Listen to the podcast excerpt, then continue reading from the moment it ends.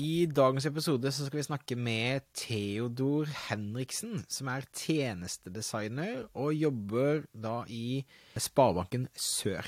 Og jeg oppdaget Theodor når han begynte å dele en del spennende innlegg på LinkedIn av det og hvordan være pappa, eh, og eh, forskjeller på mammaer og pappaer i, eh, i arbeidslivet. Så vi prater om, om, livet, hvordan å være en god pappa, hvordan finne balanse, hvordan er han på reise, osv. Så, så kos deg med praten min med Theodor Henriksen. Og jeg linker også til Theodor sine innlegg på LinkedIn i shownuts, som du kan lese deg opp på hvis du ønsker etterpå.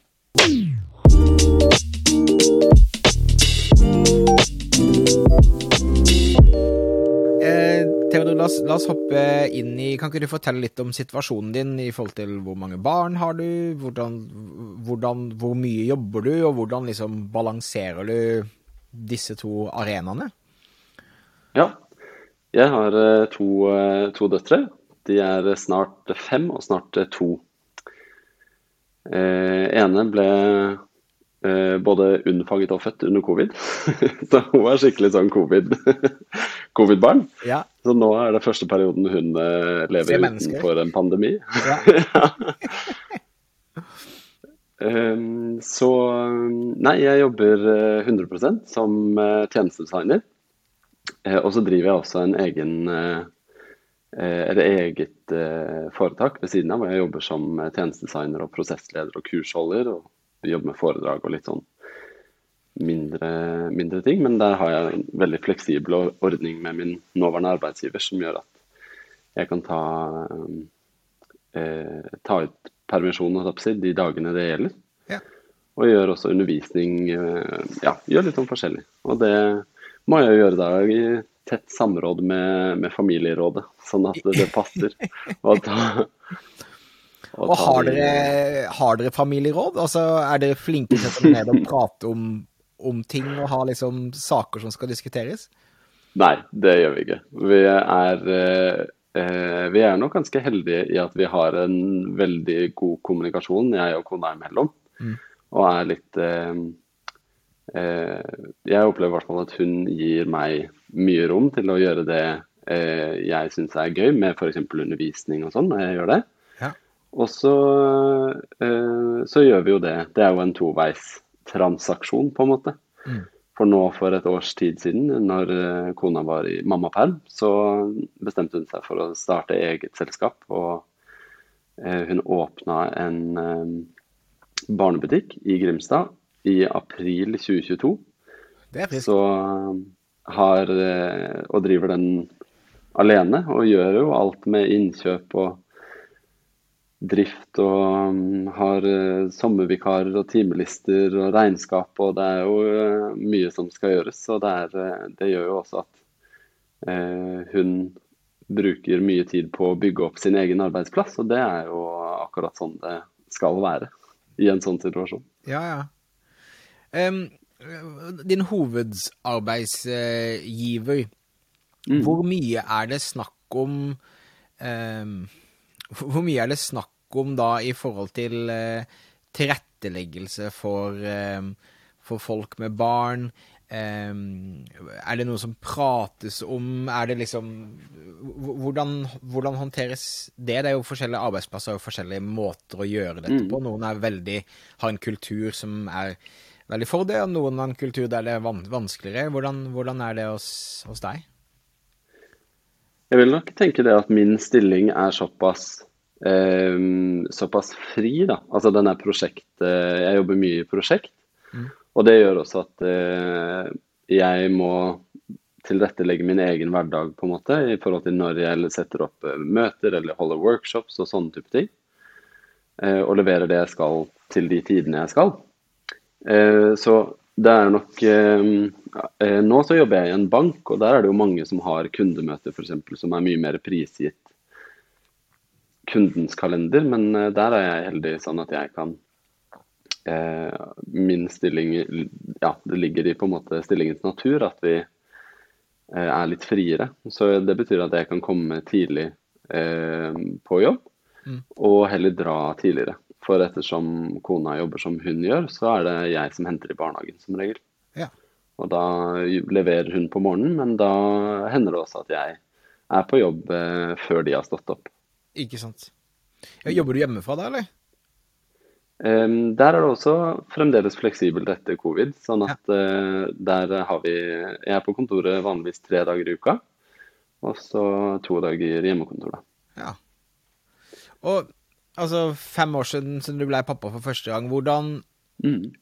hvordan var det å eh, bli pappa i forhold til hvordan du trodde du skulle bli? um, jeg, når jeg møtte kona mi, så var vi egentlig ganske sånn raske på det å avklare uh, når og om barn. Ja. Så det var på en måte en, en tidlig diskusjon, for jeg har alltid vært veldig sånn drevet mot, mot familie og synes at eh, Eller det har vært et eh, viktig mål for meg da, å få min egen familie og, og sånn. Så hvis jeg hadde møtt en dame som ikke ønsket å ha barn, f.eks., så hadde jeg tenkt at hadde det hadde vært en stor utfordring for min del, da. Mm. eh, Å prioritere bort det. Ehm, så vi var ganske sånn tydelige på at vi ønsket å ha barn, og vi ønsket å ha barn før vi var 30. Og da bodde vi på, på Grünerløkka og eh, fikk vårt første barn når vi begge to var 28. Eh, og fikk jo både eh, skryt og sjokk når vi kom på tidlig ultralyd og sånn. Og sa ja, men dere er jo så unge. Hva i alle dager er det dere gjør? Hva holder det på med? Ja, ikke sant. Ehm, så nå når jeg bor på Sørlandet, så er jo det annerledes. Så når jeg var i, når jeg var i pappaperm og gikk på sånn trilleturgrupper og, og sånn, da, så var det jo mange mammaer med, og da var det liksom noen eh, Ja, stor variasjon, da. Da var det ikke helt uvanlig å ha barn når man er 23, for, for eksempel. Så det er stor forskjell fra Oslo og andre steder, tenker jeg. Ja, Det kan jeg absolutt se for meg. Men, men da, hvis du har liksom tenkt på og hatt lyst til å stifte familie og barn, da, da hadde du egentlig et ganske sånn tydelig bilde for deg selv av hvordan det kom til å bli, da? Ja, det, det hadde jeg nok. Um, og så hadde jeg, når jeg begynte i min første jobb, så jobba jeg som konsulent, og da var det jo mye eh, hektiske dager, og du eh, på en måte måtte jo føre timer på de, på de timene du eh, Eller på kunder du skulle, og for å Ja, det er jo det som er hele grunnlaget for virksomheten, da. Ja. Um, så Men det var akkurat som når jeg ble pappa, så var det akkurat som jeg ble innlemma i en hemmelighet som jeg trodde hele verden visste. Og så var det sånn Å ja, er det sånn her egentlig verden ser ut? Og, Og og hvordan sånn, er sånn- det? Nei, det er jo på en måte det next level av verden, da. Ja. tenker jeg. Fordi da ble det veldig sånn Og jeg, jeg har alltid vært kjempeglad i å jobbe og syntes det var veldig gøy å studere og veldig gøy å på en måte eh, finne løsninger ute hos eh, kunder og hjelpe folk med det. Og så, det syns jeg fortsatt er kjempegøy. Men da når jeg, fikk, eh, når jeg ble pappa, så var det eh, Så ble alt annet rykka ned. Da var det litt sånn Å ja, dette er, faktisk, eh, dette er faktisk det viktigste. Det andre er faktisk bare en jobb. Eh, Så jeg ble nok eh, kanskje med ett veldig pragmatisk, da. Det har nok ligget veldig i min natur å være pragmatisk i utgangspunktet, men når jeg ble pappa, så ble det også en stor eh, eh, en stor eh, omvelting. Som ikke kom, kanskje ikke kom som en veldig sånn stort sjokk, men som bare ble en sånn anerkjennelse Ja. der og da. Mm. Og har det vært em, Har det vært eh, tungt og utfordrende til tider, eller har du liksom følt at det hele tiden gått At det har gått greit å håndtere hele veien? Hvordan har liksom den Den, den um, ja, nei, det har jo vært, eh, vært utfordrende eh, til tider. Og så har det allikevel på en måte vært en, til en så stor glede, da. Eller litt den der, den nye verden som jeg opplever som pappa, har på en måte vært så mye viktigere. At sånn, ja ja, så ble det tre timers søvn i natt, men det, det går liksom greit. Ja. Så fikk jeg et veldig Det var en av mine søstre som sa eh, at det, hun syntes det var så dumt med alle som skulle drive og gi råd til førstegangsforeldre. Men hun måtte gi meg bare ett råd. og, det, og hun sa det at husk på det at når det er skikkelig ille, så blir det, så blir det bra. Men husk også på det at når det er bra, så kommer det til å bli skikkelig ille igjen. Altså, det er, ikke, det er ikke dumt råd, sånn sett. Eller, det, råd, det var egentlig bare mer sånn sånn er det, sånn sett. Hun eh, Ja, kom ikke noe ja. konkret det konkrete hvordan hun skulle håndtere Nei, det. ikke sant. Ikke sånn, det er veldig viktig å gjøre sånn og må sove alene. Det var ikke noe sånt. Det var bare det at uh, an, ja, liksom, Husk på det, at det kommer til å gå bra, og det kommer til å gå dårlig. Så, Ja. Men da, i forhold til, altså Det virker som du og kona har et godt samarbeid. Det virker som dere hadde reflektert litt over hvordan måte, livet og hverdagen skulle bli. Um, ofte de som er flinke til å håndtere dette, som jeg prater med, har gode rutiner og liksom små småtriks eller ting som de gjør som gjør liksom hverdagen litt lettere. Mm. En ting som du var inne på helt i starten som jeg tror er helt avgjørende, er jo kommunikasjon og respekt for hverandre. Ikke sant? Altså det at dere gir plass og, og, og har en god dialog. Men er det liksom Mm. Hvis det er andre småbarnsforeldre som sitter og drikker sin eh, 19. kaffe og hører på dette her, og klokka er sju Mm. på morgenen, hva, hva, hva, slags, hva slags ting gjør du i hverdagen din som tror du har vært nyttig for andre pappaer å, å høre, høre? Jeg tror kanskje det viktigste er å ikke anta noen andre sine tanker eller følelser. Eh, Så jeg tror, jeg tror det er et, eh, en veldig sånn sentral ting, da. At man kan være litt sånn tydelig på eh, egne følelser også. For det var en utfordring for oss i starten. For jeg leste henne veldig annerledes. Mine foreldre skilte seg når jeg var rundt eh, ti. Og altså Alle foreldre skiller seg, men ikke alle. Men eh, det er ikke noe Jeg føler ikke at det er noe sånt som på en måte har prega meg i veldig stor grad. Da. Det var litt sånn at ja, men det er greit. Um, og har uh, Jeg har nok på en måte tolka veldig mye Eller jeg tolker nok mye kroppsspråk og, og ordlyder og uh, tolker veldig sånn Hva er det de egentlig mener med dette? Hva er det som egentlig blir sagt? Hva er det som egentlig ligger bak det? Og det kan jo også være litt av bakgrunnen min som når jeg jobber som designer også, så legger jeg jo på en måte menneskelig atferd til grunn for å utvikle tjenester. Ja. Um, så der brukte jeg nok mye tid på å være usikker på hva er det som egentlig, hvordan er det vi på en måte beveger oss nå. Jeg husker særlig, særlig et tilfelle hvor, eh, vi hadde, hvor hun overnatta hos meg, og så hadde vi lagt oss, og så snudde hun seg med ryggen mot meg og lå liksom helt ut på kanten på siden av senga. Så tenkte jeg shit, nå er hun lei, nå kommer hun til å dumpe meg i morgen, liksom. Og da når vi sto opp, så var jeg forberedt på det. Så jeg var jo veldig i forsvarsmodus da, og sa bare at ja, men eh, skal du ikke bare si det? Og så skjønte hun ikke hva, hva jeg mente. Og så nei, men eh, hvorfor er du så avvisende? Og hun tenkte aldri på det som avvisning, da. Så, eh, så det er nok det å lære seg hverandre å kjenne og ikke anta hva en annen tenker og føler. Det tror jeg er kjempeviktig. Det tror jeg er et kjempegodt eh, tips. Eh, også til eh, meg og kona mi. De få gangene vi har konflikter, så er det jo ofte misforståelser der man har kanskje antatt basert på eh, kroppsspråk, handlinger, mer enn har snakket om hva er det egentlig du føler. Så det tror jeg er kjempe kjempelurt, og også spesielt da med lite søvn under beltet osv. Og, og, Mhm. og heller spør et par ganger, et par ganger ekstra, men jeg forstår ikke helt, eller er det det, hva tenker du, føler du nå, tror jeg selvfølgelig er kjempeviktig. Ja. Og så tror jeg det at vi har den takhøyden da, med at man kan si at nå, eh, nå er jeg veldig trøtt, er det greit at jeg går og legger meg en, en lørdag morgen eller en søndag morgen da. Ja. Ehm, så, så opplever jeg at det er på en måte alltid greit. Uh, og da selv om jeg er trøtt og hun spør om det, så tenker jeg sånn at ja, men da har hun et behov, siden det er et uttalt behov, så får hun gjøre det, og så kan jeg ta det igjen på andre måter. Kanskje jeg kan sove litt i morgen tidlig, eller at vi, man kan bytte litt på det, men det å, det å være litt sånn raus med hverandre er, er veldig viktig. Ja, det tror Og jeg. helt andre veldig praktiske ting, så har vi, vi har delt kalender, og vi har delt, eh, delte lister på telefonen. Bra. Hva, Sånn at, hva, hva, hva, hva, men da, utdyp det, begge deler. Først kalender, og lister? liste. Ja. ja. Nei, vi har en delt, eh, en delt familiekalender som, eh, på telefonen.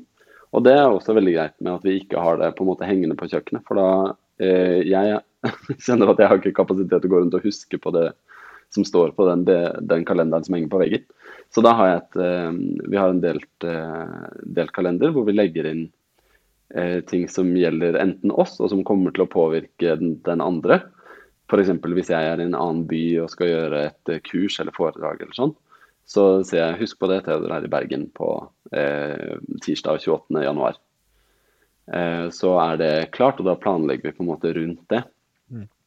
Eh, og det samme hvis eh, en av jentene skal til eh, tannlegen, eller det er noe bursdagen til Astrid, på en måte, så står det også i kalenderen. Så finner vi ut hvem er det som gjør hva. Og så er det lett da å gå inn i kalenderen og se når det skjer noe. Eh, så det er, det er kjempenyttig. Og listen? Og også, en liste, det er stort sett en handleliste. som, er, som, er, bare et uh, levende notat, ja. hvor vi skriver inn ting sånn Å, crap, nå er vi tomme for melk. Skriver inn melk, og så er det, i hvert fall på iPhone, så har du sånn huka av-funksjon. Sånn ja, ja, at du trykker på sånn idet du har kjøpt det. da. Så da, Hvis jeg kjører hjem fra jobb og stikker innom butikken, så krysser jeg alltid de ut. Og da får jo Elle sett det hvis hun går inn i handlelista og ser oi, må jeg eh, gå og handle også.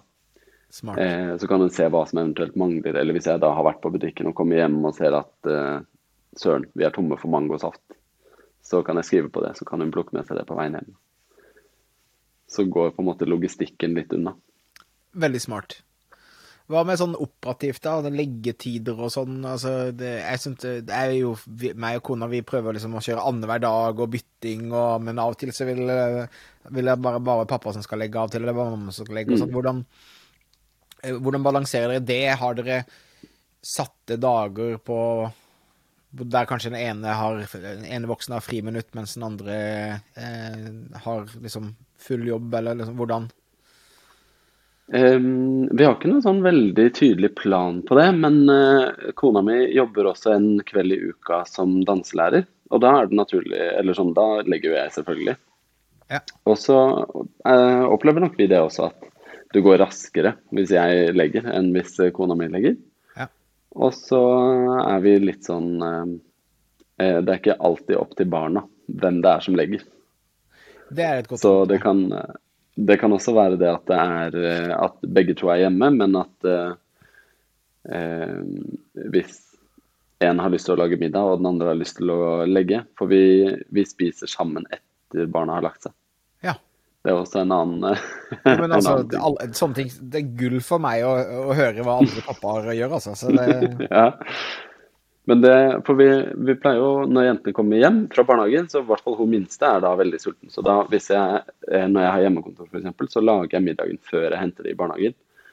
Sånn at det, er, eh, at det er klart. Og så kommer vi hjem, og da eh, setter jentene seg ned eh, med middagen, og så sitter jeg sammen med de. Og så gjør vi Det kan hende at, jeg, at vi bare prater litt om hvordan det har vært i barnehagen, eller Eh, kanskje jeg finner fram en eventyrbok og leser litt mens de spiser og sånn. Så jeg sitter alltid sammen med de. Ja. Eh, men jeg har nok litt sånn, kanskje litt sånn dårlig samvittighet, eller tenker sånn kanskje alle burde spise sammen. Og det, det gjør vi jo ofte også. Ja. Eh, men kanskje mer i helgene eller de dagene hvor eh, kona har en annen ansatt som kommer på jobben f.eks. på onsdager, så spiser vi ofte middag sammen. Ja. At det er på en måte noe vi deler, da. Ikke sant. Um, en ting jeg syns er kjempevanskelig, og som har vært spesielt vanskelig for meg det siste året, er reising. Du er jo ute og holder foredrag og workshops også. Um, mm. Jeg føler meg som verdens verste pappa eh, mm. når jeg blir oppringt tidlig på morgenen, og, eh, og en trøtt, men nydelig datter eh, spør hvorfor i all verden er du der og ikke her og lager eh, havregrøt mm. til meg og, eh, og, og, får sminke. Eh, mm. Hvordan hvordan har du det når du reiser, og hvordan tenker du rent reising? Har du noen, noen, smarte ting du gjør, eller er det noen feil du har gjort som du har lært av? Liksom, når du er ute, hvordan fungerer det? Eh, der tror jeg det er kjempeforskjell på barn òg. Hvordan er det barna takler det, på en måte.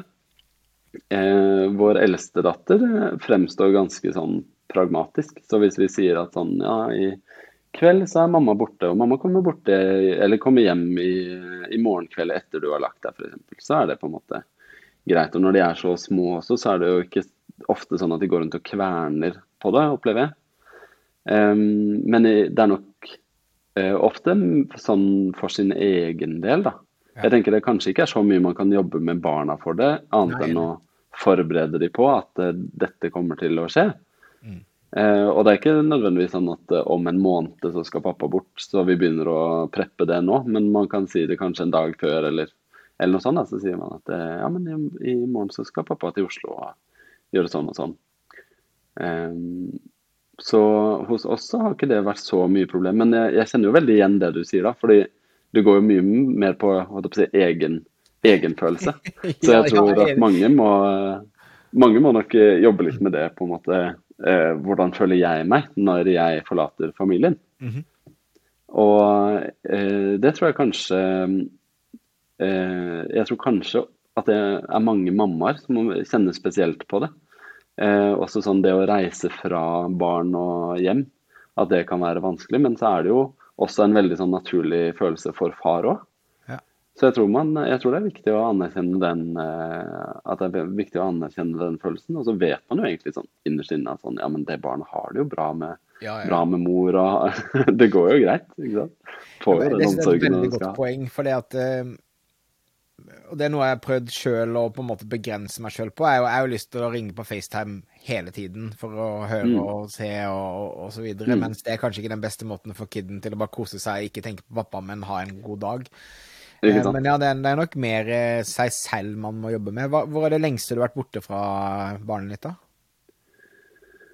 Eh, det var før vi fikk andremann, så var kona og jeg på bryllupsreise. Og ja. da var vi borte i seks netter uten vår datter, som da var eh, to og et halvt. da. Hvordan var det? Eh, det var Det er jo utfordrende, for man tenker jo på en måte Man tenker jo veldig ofte på det barnet, samtidig som vi snakka en del om det, og vi fikk jo ikke dårlig samvittighet for å ikke ha dårlig samvittighet heller. Nei. Så det var litt deilig å på en måte tenke det at sånn Ja, vi er jo kjempeglade i barnet vårt, og vi gleder oss til å komme hjem, men det er ganske deilig å være på tur alene òg. Mm. Så det å, det å, kose seg med å være alene, det tror jeg også er litt viktig. da, Og ikke, ikke få den dårlige samvittigheten på det. Det er et godt poeng. Absolutt. Så, men så kjente vi jo det når vi på en måte Når vi kom hjem, da. Eh, og den rundturen rundt Middelhavet som vi egentlig skulle ha, jo, ble avlyst pga. Av covid. Så vi fikk eh, så vidt tatt ferja til eh, København. så det var, ble på en måte endt, endt med det. Mm. Men, eh, men, det var jo også da når man kom hjem og kjente at den siste kilometeren inn til svigermor kjørte man litt ekstra fort og parkerte bilen litt på skeiva, og begge to løp for å komme først tilbake til datteren, så er jo det en positiv følelse også. Ja visst er det ikke det. Ja, men det Ja, men eh, Ja, jeg, er enig. Um, hvis du er åpen for å for å, å dele, så det syns jeg er alltid interessant å høre. Er det noen øyeblikk eller situasjoner der du har vært liksom ekstra stolt av deg sjøl som pappa? Som kanskje andre kan lære litt av? Mm. Det er litt um, Det er nok vanskelig å komme på én spesiell setting, men jeg hadde en situasjon hvor, hvor jeg var i et, um, var i et jobbintervju. Hvor jeg sa til, uh, til den jeg prater med da, at uh, jeg har jeg har barn, jeg ønsker å prioritere barn. Jeg vil også være til stede på Lucia-feiring på morgenen, og jeg, jeg, vil se på danseavslutning. Og jeg, jeg, vil gjøre det, samtidig som jeg har, er motivert for og ønsker å gjøre en kjempegod jobb hvor, hvor jeg jobber òg. Eh, og jeg tenkte ikke så mye over det der og da. Men når jeg eh, snakka om det til, eh, til, min mor, da, så ble hun veldig sånn overraska, eller positivt overraska, ja. og sier det at det tror jeg ikke det er mange pappaer som sier. Nei.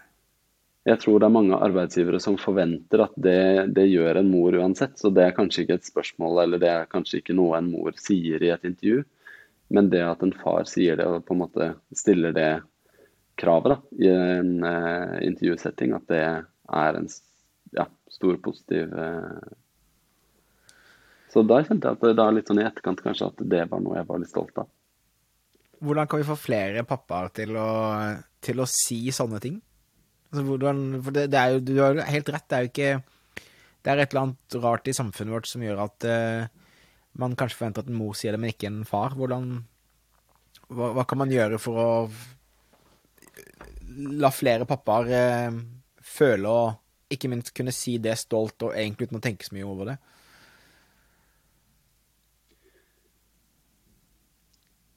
Jeg tror Altså, det henger nok eh, Det er nok mange avhengigheter, men jeg tror kanskje én ting kan være eh, Særlig i jobbsammenheng, da, så tror jeg kanskje at en av de tingene som kan være avgjørende, er også selvtillit i jobben sin. At man er trygg på eh, hva man kan som fagperson. Mm. Og, eller hvilken, hvilken rolle man vil inn i, eller hva det er man ønsker å oppnå, eller hva man tenker at man har av kapasitet eller erfaring eller kunnskap som bidrar positivt til den virksomheten man enten er i eller ønsker seg inn i. Mm. Um, og være trygg på det Eller Og det er her det på en måte skiller mellom den profesjonelle pappaen og hjemmepappaen kommer, uh, kommer til syne. da, fordi du er jo ikke bare ansatt, og du er jo aldri bare pappa heller, men du er alltid pappa, og du er alltid ansatt. Så du vil på en måte Det å skille mellom eh, Det å skille mellom den profesjonelle og den private seg, det blir jo litt sånn mer og mer utviska, fordi du er et komplett menneske til enhver tid. Mm. Så jeg tror, det, jeg tror det er viktig å være litt sånn klar på, på Klar over sitt eget ønske og sine egne eh, Ja, hva er det man egentlig ønsker å prioritere? Ja, er, ja, jeg tror den trygghetsdelen og tydeligheten overfor seg sjøl tror jeg er kjempeviktig. Og så er det på en måte ikke noe som heter balanse mellom eh, jobb og privat lenger. Som du sier, så er det jo en, på en måte en mm. bare kontinuerlig liksom, Du surfer bare på en kontinuerlig bølge av begge deler. Mm. Eh, hele veien.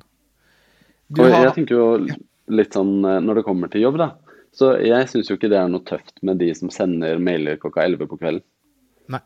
Eh, da, da, tenker jeg litt sånn at ja, men kan du, kan du ikke prioritere tiden din bedre? Hva, klokka 11 på kvelden, skal ikke du da enten ha lagt deg, eller være sammen med partneren din, eller gjøre noe annet, på en måte? Um, så, og det hender jo det at jeg også må jo jobbe på kvelden, det er ikke noe å skyve under en stol, det, særlig når man har små barn og har litt begrensa arbeidstid på dagen, særlig hvis uh, ungene har vært oppe fra ett til fem på natta, og du sover litt seint og kommer ikke på kontoret klokka sju. Så uh, kommer man kanskje klokka ni, og så drar man kanskje hjem klokka to. Og da er det jo fortsatt to og en halv time av den normale arbeidsdagen som skal uh, utføres, da. Ja. Um, så er det jo litt sånn OK, hvis du jobber fem timer en dag, men ti timer en annen dag, så tenker jeg sånn at i sum så går det jo opp i opp. Men hvis jeg må jobbe på kvelden, og noe handler om en møteinnkallelse eller en e-post som må sendes ut, eller sånn, så bruker jeg alltid den uh, utsett-funksjonen i Outlook. Ja. sånn at mailen leveres neste morgen, i stedet for at det leveres uh, midt på natta. Jeg tror det er en god måte også å uh, sette forventninger til ting. Og et annet tidligere jobbe, jobbepappa-intervju jeg hadde, han fortalte om at ledelsen, som var da to, to menn, hadde eh, begynt å bevisst og veldig sånn går, De går tidlig for dagen, og de forteller at de skal hente i barnehage, hente på skole. Nei, nå skal jeg på vinterferie hit, osv. Jeg tror det å gå fram som et godt eksempel og vise at det er tøft å være en flink pappa som også er flink på jobb, mm. um, det det tror jeg også er, eh, er, er viktig. da. Flere som går for oss et mm. godt forbilde. Du har jo hatt to virale eh, innlegg på, på LinkedIn. Eh, eh det virker som det liksom Begge har, har du snubla litt over at det har spredd seg veldig mye på LinkedIn. Det mm. viser jo at det måtte ha treffet, treffet noe, da. Men kunne ikke du fortelle om de to postene, bare sånn kort oppsummert? Hva, hva de, de, har handlet om, og liksom hva slags effekt de har hatt, eller hva som, hva som har skjedd. Mm. Det ene innlegget var basert på en eh, tekst jeg leste, leste, fra en mor eh, i Storbritannia, som, eh, hvor hun skrev en tekst hvor hun innledet med til alle småbarnsforeldre jeg har jobbet med tidligere, unnskyld, jeg visste ikke at det var sånn. Ja. Um, så skrev jeg om den innledningen til norsk, og så delte jeg på en måte mine egne perspektiver rundt, rundt det også, da, med det at um, når jeg var ung og ambisiøs, og jeg er fortsatt ambisiøs, da, men når jeg var ung og ung og lovende, så eh, tenkte jeg liksom ikke over Jeg tenkte bare at ja, barn det er noe man får, og så fortsetter man eh, som før. Ja. Um, men når jeg satt der, og når jeg skrev det, så skrev jeg det innlegget liksom kort over fire natt til tirsdag, på en måte. Fordi da satt jeg ved siden av datteren min som eh, sov urolig og ikke fikk sove, og hadde sittet der et par timer allerede, på en måte. Um, og det er jo veldig mange som kjenner seg igjen i det. Og jeg tror det Ja, det, det innlegget handla på en måte om det at Litt som vi har snakket om allerede, at um, man, er, man er pappa hele tiden. Mm.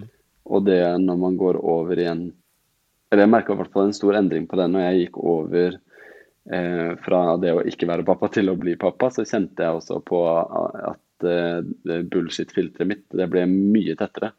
Sånn at jeg gjorde de oppgavene som jeg anså som viktig for selskapet jeg jobba i, og som jeg syntes var uh, viktig for, for, min egen del, eller som var prioritert. Eh, men jeg sa ikke ja til alt mulig som kom rekende, på en måte. Mm. Så jeg opplevde egentlig ikke at jeg ble noen mindre effektiv arbeidstaker. Um, men at jeg gjorde en mye tydeligere prioritering, da. Ikke sant. Og så er det nok mange som kan føle på det at man ikke får gjort så mye som det man gjorde før, eller man eh, begrenser tid man jobber osv. Um, og det tror jeg også man skal anerkjenne at er greit, da. Eh, fordi det, det, går i faser. Og hvis du får en tillit som småbarnsforelder, så vil jo du også få en tillit tilbake til arbeidsgiver som du ønsker å Eh, ønsker å gi tilbake, eller du får noen erfaringer som du kanskje tar med deg hvis du selv går inn i en lederrolle på et tidspunkt. Da. Ikke sant. Så den postet du på natten, eh, midt på natta ved siden av dattera ja. di, og så, i hvert fall når jeg, vi spiller inn dette, så har den over 6000 likes og 202 kommentarer og 95 reposts, så den, den har spredd seg ganske sånn freskt. Det, det virker som ja. den traff noe. Var, var, det umiddelbart at folk begynte liksom å positivt eh, Eller begynte å engasjere seg rundt den, eller? Ja, det var det første døgnet. Så var det over 1000 likes på den eh, posten. Så den har på en måte eh, den, den økte ganske radig, ja. Jeg synes også det var, det var, veldig lærerikt å bla gjennom kommentarfeltet. Det er jo folk som både er mm. Eh, helt enige, og som også syns at det er helt på trynet, det du sier. Kan ikke du mm. hvordan, hvordan, føler du liksom responsen har vært fra din side? Hva, er det noe du har lært eller sitter igjen med som du liksom ikke hadde tenkt over når du, når du delte den? Um Nei, altså det som jeg syns eh, For jeg, jeg, kjenner meg så igjen da, i kommentarene som kommer. For det kommer jo også noen kommentarer som sier sånn Ja, men hvorfor i alle dager får du barn? Um, hvorfor har du valgt å få barn hvis du syns det er så jævlig, liksom? Uh, og det, jeg kjenner jo på en måte Jeg skjønner hvor det kommer fra. Mm. Fordi det er uh, Det er ikke det at det, er, uh, at det er så ille, men det er bare den følelsen Eller den Man ser kanskje ikke den situasjonen når man ikke har barn selv. Nei. Så jeg tenker når jeg får den kommentaren, så tenker jeg sånn Helt fint at du deler de, at du deler de tankene, og så kan vi snakkes igjen om ti år, og så ser vi om man kanskje har gjort seg noen erfaringer. ja, ja, ja. Så det, det, tenker jeg er en sånn eh, At det egentlig Det er bare velkomment. Fordi man eh, Og det understreker veldig poenget i posten også. Ja. At man er i ulik situasjon, og man har ulik forståelse. Uh, og jeg var, jeg var, den samme. Jeg skjønte ikke hvorfor noen kom så seint, eller syntes det var litt slitsomt med hun som jeg aldri kunne regne med fordi hun ikke kom fordi ungene var syke hele tida. At man fikk en litt sånn ah, det var strevsomt. Ja. Uh, men uh, så blir man jo mer og mer moden også. Og så blir man litt sånn, får man en sånn modenhetsboost når man har vært eh, pappa en liten stund. Så skjønner man sånn Å ja, OK. um, um, og en annen ting med ja, Posten er jo også de Det som har vært en stor læring også med den posten, er jo alle de som har voksne barn. Som, eh, for der har det også vært veldig mye positive kommentarer. Og kanskje der hvor jeg var litt sånn mest redd for at de skulle si sånn Ja, men det, sånn her var det når vi hadde barn, og det er bare å ta seg sammen, og man må gjøre, sånn og sånn. Men der har det vært så mye positive kommentarer, og så mange eh, som sier at eh, åh, jeg kjenner meg så igjen, jeg husker det så godt. Eh, og jeg hadde også to kollegaer em, på, på jobben som eh, to litt eldre herrer i slutten av 50-årene og starten av 60-årene som sa det at men du Theodor, du kan jo bare si ifra, så kanskje vi kan gjøre litt mer. Så kan du få slappe litt av. og det syns jeg jo også var veldig raust, da, og ble veldig sånn eh, Nei, jeg skal jo klare det, men det er litt sånn det å, å vise at man har den omsorgen. og en kollega også i starten av 60-årene som ringte meg liksom dagen etterpå og spurte hvordan det gikk. og går- det greit? Da skjønte han at det hadde vært en stri natt. da. Ja, ja, ja. Men eh, det, det viser jo bare det at man har eh, Altså støtte kan komme fra alle hold. Alle har, veldig mange har vært der, veldig mange har forståelse for det. Og så er det noen som ikke har forståelse for det, og det må vi også anerkjenne som en, som en realitet. Og si at ja, det er ikke alle som vet, men da må vi også ta den praten. Da. Mm. Enig. Eh, når jeg leser gjennom, så virker det som det er aller flest damer som legger igjen kommentarer, og spesielt positive kommentarer. Er det inntrykket ditt også, eller? Ja, det er nok eh, det. er nok det. Og så vet jeg ikke helt grunnen til det. Jeg leste en sånn LinkedIn-statistikk på at det er flest kvinner som eh, kommenterer på saker, generelt. Mm. Så det kan også være noe med en sånn uttrykkelse av støtte eller følelse av det og sånn. Um, eller at man kjenner seg igjen, da. Er det mange menn som har tatt kontakt? At du nevnte noen ringer, meldinger. Har du fått mer, Mm. kanskje mer direkte tilbakemeldinger fra, fra, fra menn, eller hvordan har responsen Ja, det har vært, eh, det har vært noen eh, direkte meldinger og sånn også. Så, og mange av de har vært fra menn. Og mange eh, opplever også at det er mange menn som går i eh, Ja, som uttrykker seg i, i både kommentarfelt og i eh, Ja, og, og kjenner seg igjen. Og så er det kanskje Det er vel kanskje noe med at det er litt mer uvanlig at det er menn som snakker om disse tingene òg. Ikke sant. Ja, nei, det er også et veldig godt poeng. Og så hadde du jo en, en post til, som var jo den posten jeg måtte oppdaget deg på. Eh, ring pappa først. Hva, hva Ja. Det er også Jeg vet ikke om det liksom eh, For det første ble du liksom Du fikk god respons på det første innlegget ditt. Eh, mm. Tror du du kommer til å bli en sånn en eh, pappa-motivasjonscoach eh, på LinkedIn nå, eller hva liksom Nei, jeg har ikke helt, jeg har ikke helt tenkt at det er det jeg skal bli. Men eh, eh, det har også vært noe av liksom, spørsmålene jeg har fått. Da, hvorfor deler du det her på LinkedIn? Ja. For det er, jo, det er en jobbplattform, og da er det jo ak egentlig akkurat det at man er jo pappa selv om du er på jobb. Yes. Og de tingene du opplever som pappa, det påvirker også arbeidslivet ditt. Ja, ja. Um, men den Ring pappa først, det begynte jeg å tenke på eh, 8. mars i år. Ja. For da var jeg i, da var jeg i pappaperm med min eh, yngste datter. Og eh, vi måtte Vi fant jo alltid på noe å gjøre, og da var det 8. mars, og det var en eh, kvinnedagssamling på biblioteket i byen. da. Så da dro vi ned eh, dit, for det var liksom en sånn åpen setting med litt sånn kafébord og litt sånn. Og jeg har alltid vært eh, interessert i og syns det er viktig å ta opp, eh, ta opp kvinnesaks- eh, eller likestillingsspørsmål uavhengig av eh, hvor man er og hvem man er. Mm. Eh, og da mm, snakket vi litt sånn fram og tilbake, for da fikk vi noen sånn samtaleutfordringer på de forskjellige bordene vi satt. da. Og da dukka det opp som et, som et tema. Så da lufta vi det som en slags sånn at Ja, det kunne jo vært en eh, kampanje om det Ring pappa først. For det er veldig mange som opplever at eh, skoler og barnehager og fritidsaktiviteter og alt mulig kommuniserer med mor, Ja. og ikke med far. Ja. Um, og så trigga det litt eh, når jeg snakka med en bekjent av meg som Hun sa det at eh, Og det tok jeg med i den LinkedIn-posten også, da. At eh, skolen ringer meg, barnehagen ringer meg, eh, tennisklubben ringer meg, eh, kulturskolen ringer meg, de andre mammaene ringer meg, AKS ringer meg hvis det er noe. Eh, og det ringer jo aldri pappa, så, men selv om pappa kan fikse, så, kan, så må jeg koordinere. Og det er jo eh, en Så jeg tenkte sånn ja, Det skjønner jeg jo er slitsomt.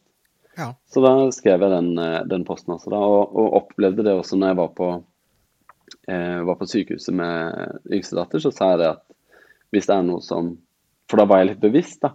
Så sa jeg det at hvis det er noe som skjer, eller hvis vi skal ha en telefonsamtale eller, eller sånn, så er det fint om dere ringer meg og ikke mor.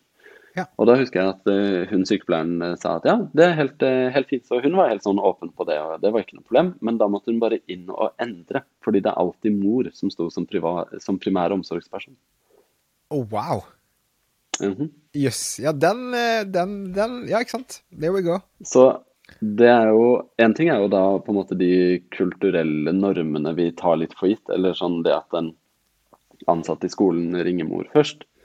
Um, det kan man på en måte ta tak i og si sånn Kanskje man kan reflektere rundt det, men også når det er et system rundt det som gjør at mor skal være primæromsorgsperson. Da har vi et problem Ja. som er på et mye større plan. da.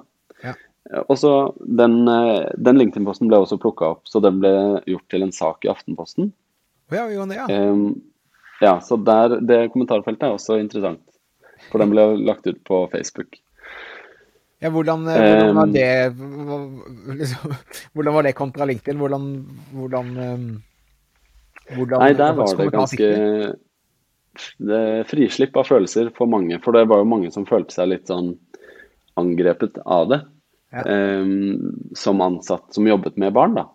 Og som Ja. sa det, som skrev ja, men tydeligvis er det folk som mener at eh, barnehageansatte er tjukke i huet også. Og det var jo på ingen måte min intensjon. Og den barnehagen vi har hatt barna våre i, der har det aldri vært noe problem. Så det er ikke noe sånn at eh, det er på en måte en eh, At det er en sak, da. Men eh, eh, der tenker jeg også litt den derre eh, Dette var en, mer som en sånn refleksjon. Og det er jo mange som Veldig mange kvinner som også støtter i den saken da, og sier da at sånn Så bra at dette blir eh, tatt opp, dette opplever vi hver dag. Ja. Men så er, på Facebook så er jo alt litt mer sånn fritt vilt, så da er det også liksom mann 52 som skriver sånn Jeg har fire barn, og hvis ungene slår seg, så ringer de aldri meg, så hvorfor eh, De vil jo ikke til meg hvis de slår seg. Og da tenker jeg sånn mm, Er det barnehagens eh, problem at de ikke ringer deg, eller er det det at barna ikke vil til deg når, når de slår seg? Yes. Så tenker jeg Der har man jo kanskje noen runder man skal. Og så er det litt sånn fascinerende også at man, man blir sånn eh, eh, Dette har jeg aldri opplevd, så dette kan ikke stemme. Ja. At det er på en måte kutyme, da. Mm. Så der er, det, der er det en stor forskjell. Og så tenker jeg ja, det er belastende for mor hvis mor alltid blir ringt først. Og så er det sånn En unge i barnehagen er jo ikke så ofte sjuk. Så er det et så stort problem hvis man ringer mor først. Nei, det er kanskje ikke et stort problem hvis man ringer mor en gang i halvåret. Sant? Men hvis man begynner å legge sammen alle fritidsaktiviteter, alle helsebesøk, om det er lege, sykehus, tannlege, om det er At det er liksom Det er så mye i sum, da. Hvis Ja. du har AKS, du har skole, du har fritidsaktiviteter, man har kanskje én eller to eller tre eller fire fritidsaktiviteter, og all den kommunikasjonen skal gå til mor, Ja. så er det en kjempejobb å skulle ko- koordinere det. Eh, Så ja, det er belastende på individet, men det peker jo også da på et mye større problem, som f.eks. min kone, da, som har starta sitt eget selskap, og hun kan ikke gå fra. Så da vil jeg si, eh, og la oss si dette er en, eller en kvinne som er i en topplederjobb. Skal hun alltid komme bare fordi hun er mamma? Ikke sant? Eller så har du da en far som jobber eh, som fast ansatt i skatteetaten eller eh, som konsulent et eller annet sted. Han har mye større fleksibilitet. Mm. Hvorfor skal man ikke da kunne ringe far? Så det er jo et problem sånn i samfunnet hvis man da alltid kontakter mor fordi man forventer at mor alltid kan. Um, selv om mor driver sitt eget selskap eller har en topplederjobb, mm. så sier man ok, da begynner det å bli litt systematikk i det. Og du har også de, de systemene i helse for eksempel, hvor man sier at dette er primæromsorgsperson. Um, og så har du, Men det andre er jo også at du som far blir deevaluert som omsorgsperson. Ja. Så det er også et problem. Fordi da sier, da sier samfunnet at ja, men du som far, du er ikke så viktig som det mor er. Ja, det er nok lettere å ta ja. baksetet som pappa også, hvis du liksom alle forventer at du skal gjøre det. Eh, at du skal stå litt i bakgrunnen. Mm. Mm. Og der, der, der, hadde jeg også et eksempel på i en eh, kommentar, da. Um, når jeg hadde med jentene i matbutikken, så fikk jeg skryt av en ansatt i butikken. En kvinnelig ansatt som sa det. 'Å, så flink du er som tar med barna på butikken', og sånn. Og misforstå meg rett, veldig hyggelig med skryt og ros.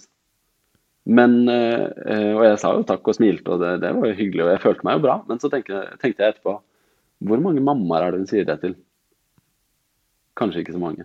Mm. Eh, så jeg tar gjerne imot skryt, jeg. Ikke noe problem. Men eh, skryt litt av mamma nå, da. Ja. Ja, helt klart. Helt enig.